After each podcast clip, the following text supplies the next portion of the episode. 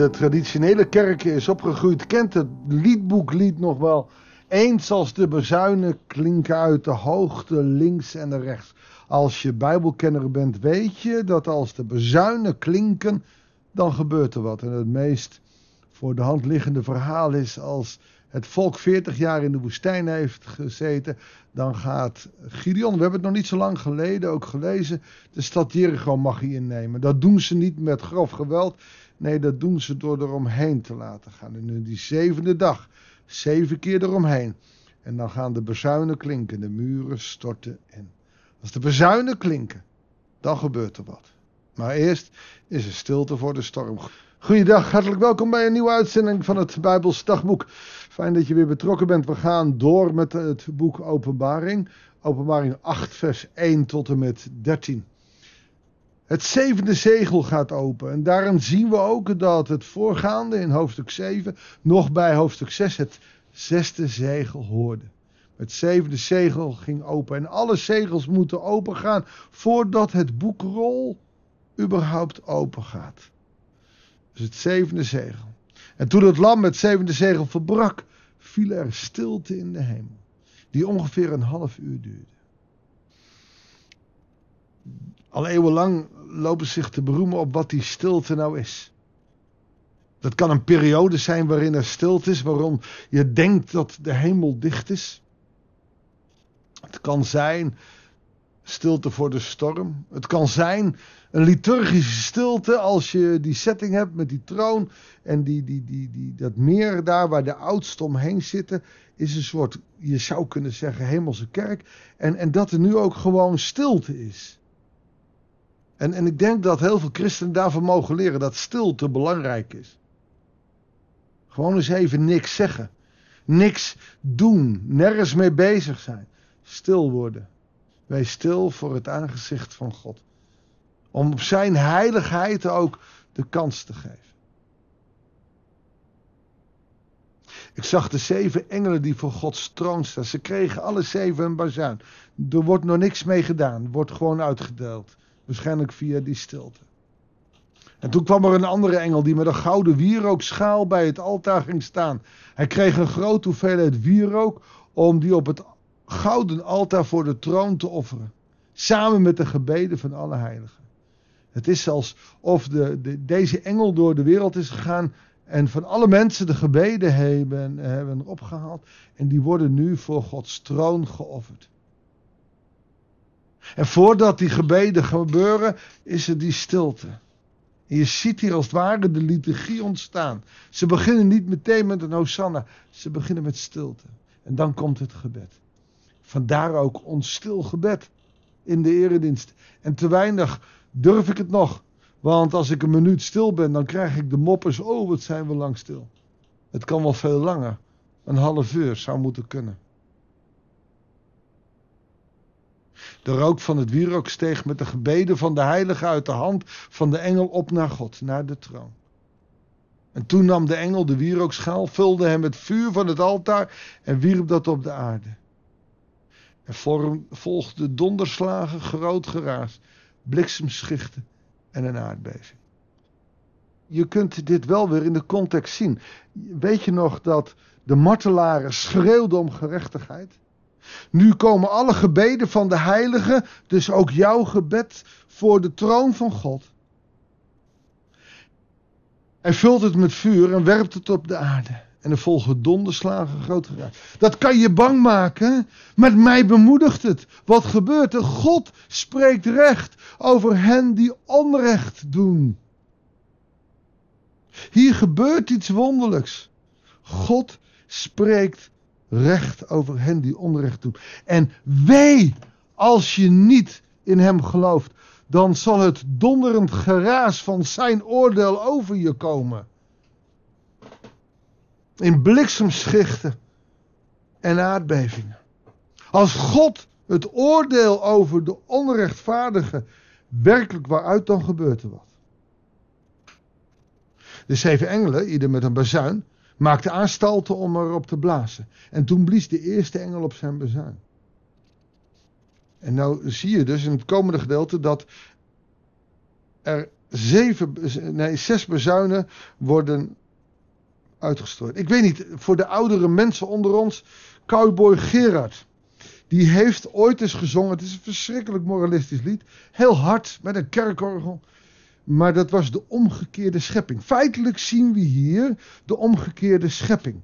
Elke bestuin staat voor de vernietiging van een onderdeel van die schepping. Waarom? Dat is het oordeel van God over de wereld.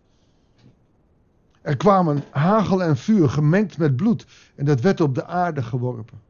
En een derde deel van de aarde brandde af, even als een derde deel van de bomen en al het groen. Als Gods oordeel over de aarde komt, dan is dat niet mild. De tweede engel blies op zijn bazuin.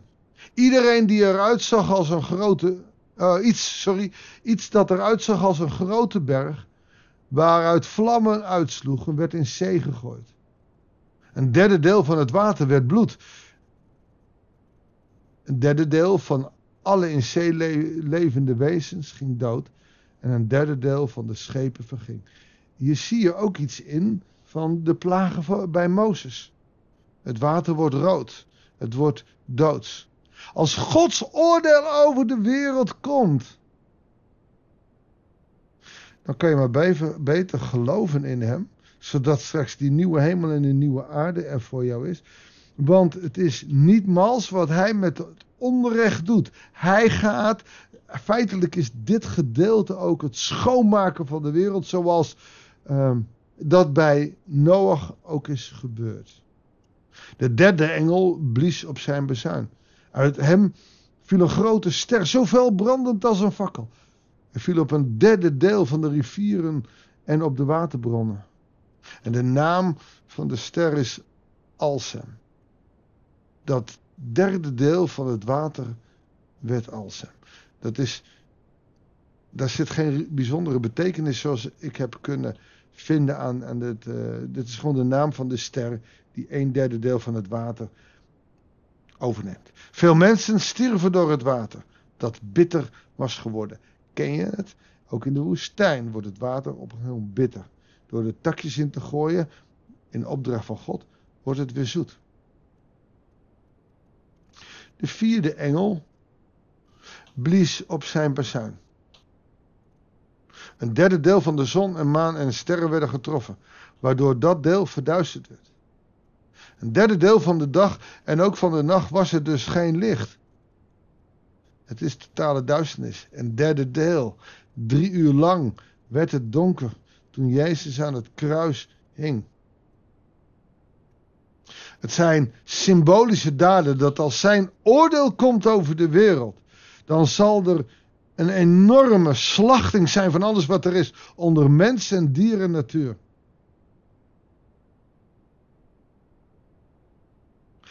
En het zal donker worden.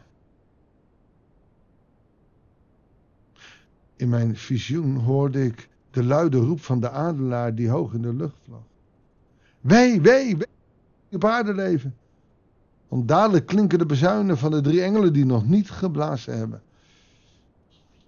Wat je dus ziet, is een voorafbeelding over wat er gaat gebeuren als God die einde, het einde inzet. Dit laat zich niet berekenen van, zie je wel, nou we hebben toen hagel gehad en er is al eens een flinke aardbeving geweest. Dat kun je nooit zo rekenen. Als je dit ziet, dan hebben wij op de aarde nog nooit meegemaakt wat er hier meegemaakt is. Ja, misschien in de oertijd. Toen die grote sterren, oftewel de kometen, kwamen en de aarde verwoest heeft en het oerleven gedood heeft. Maar toen hadden we de openbaring nog niet gehad. En dat gaat dus over deze wereld. En je moet ook realiseren dat als, als God zegt, er komt een nieuwe hemel en een nieuwe aarde, dat het niet even, oh leuk, nou dan komt er niets nieuws. Nee, dan zal de aarde weggevaagd worden. En je ziet hier dat het oude weggegaan gedaan wordt. En we weten hier niet of dan een opname is geweest van alle gelovigen en dat er niet-gelovigen daarin overblijven. We weten niet of alle rechtvaardigen het oordeel over de onrecht op deze aarde mee moeten maken. We weten niet exact hoe dit eraan gaat uitzien. Wat we weten is dat die stilte er is. En dat de gebeden van de rechtvaardigen worden verhoord. In die context moet je het zien. En dan zal God zijn sterke oordeel over het onrecht hebben. En zie, het was goed. Die zes bezuinen vernietigen als het ware de schepping zoals die er was. En die moet ook vernietigd worden, anders kan er geen nieuwe aarde en geen nieuwe hemel komen. En dat, datgene wat hij gemaakt heeft, zal allemaal weggaan. Opdat God zijn nieuwe hemel en een nieuwe aarde gestalte kan geven. Maar hoe dan? Door zijn oordeel. Wat komen zal. Maar eerst was het stil. En werd de gebeden van de rechtvaardigen opgenomen. Ga dus niet kijken naar alles wat er aan ernstigs gebeurt, maar ontdek ook dat God genade heeft aan de bidder, die soms tegen beter weten in. Blijf bidden. Zullen we dat dan ook maar gewoon gaan doen? Vader in hemel, ik weet dat er genoeg mensen zijn die, die soms denken dat hun gebed niet hoger dan het plafond komt. Nou hoeft dat ook niet, want u bent heel dicht bij ons, u bent in ons, dus we hoeven niet eens te schreeuwen.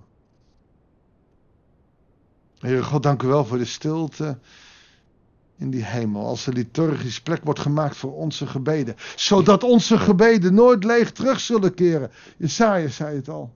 U zei het al bij Jesaja, laat ik het zo zeggen. Heere God, leer ons niet angstvallig te kijken naar het gedonder en het geraas wat er komen gaat. Maar vooral naar de bemoediging die erin zit dat u, de rechtvaardige, zult verhoren. Dank u wel voor die liefde die ook uitstraalt in dit gedeelte. Zegen ons en ga met ons mee. Dat bidden we u in Jezus' naam. Amen. Dankjewel voor het luisteren.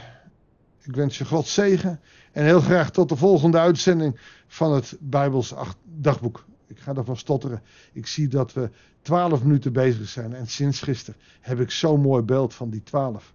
Uh, overigens, de uitzending van gisteren was te laat uh, op internet gezet. Dus de melding was er niet. Het was vanmorgen na achter dat ik hem erop gezet heb. Mijn excuses voor de mensen die uh, daarvoor willen luisteren. Ik had hem wel gemaakt, niet online gezet.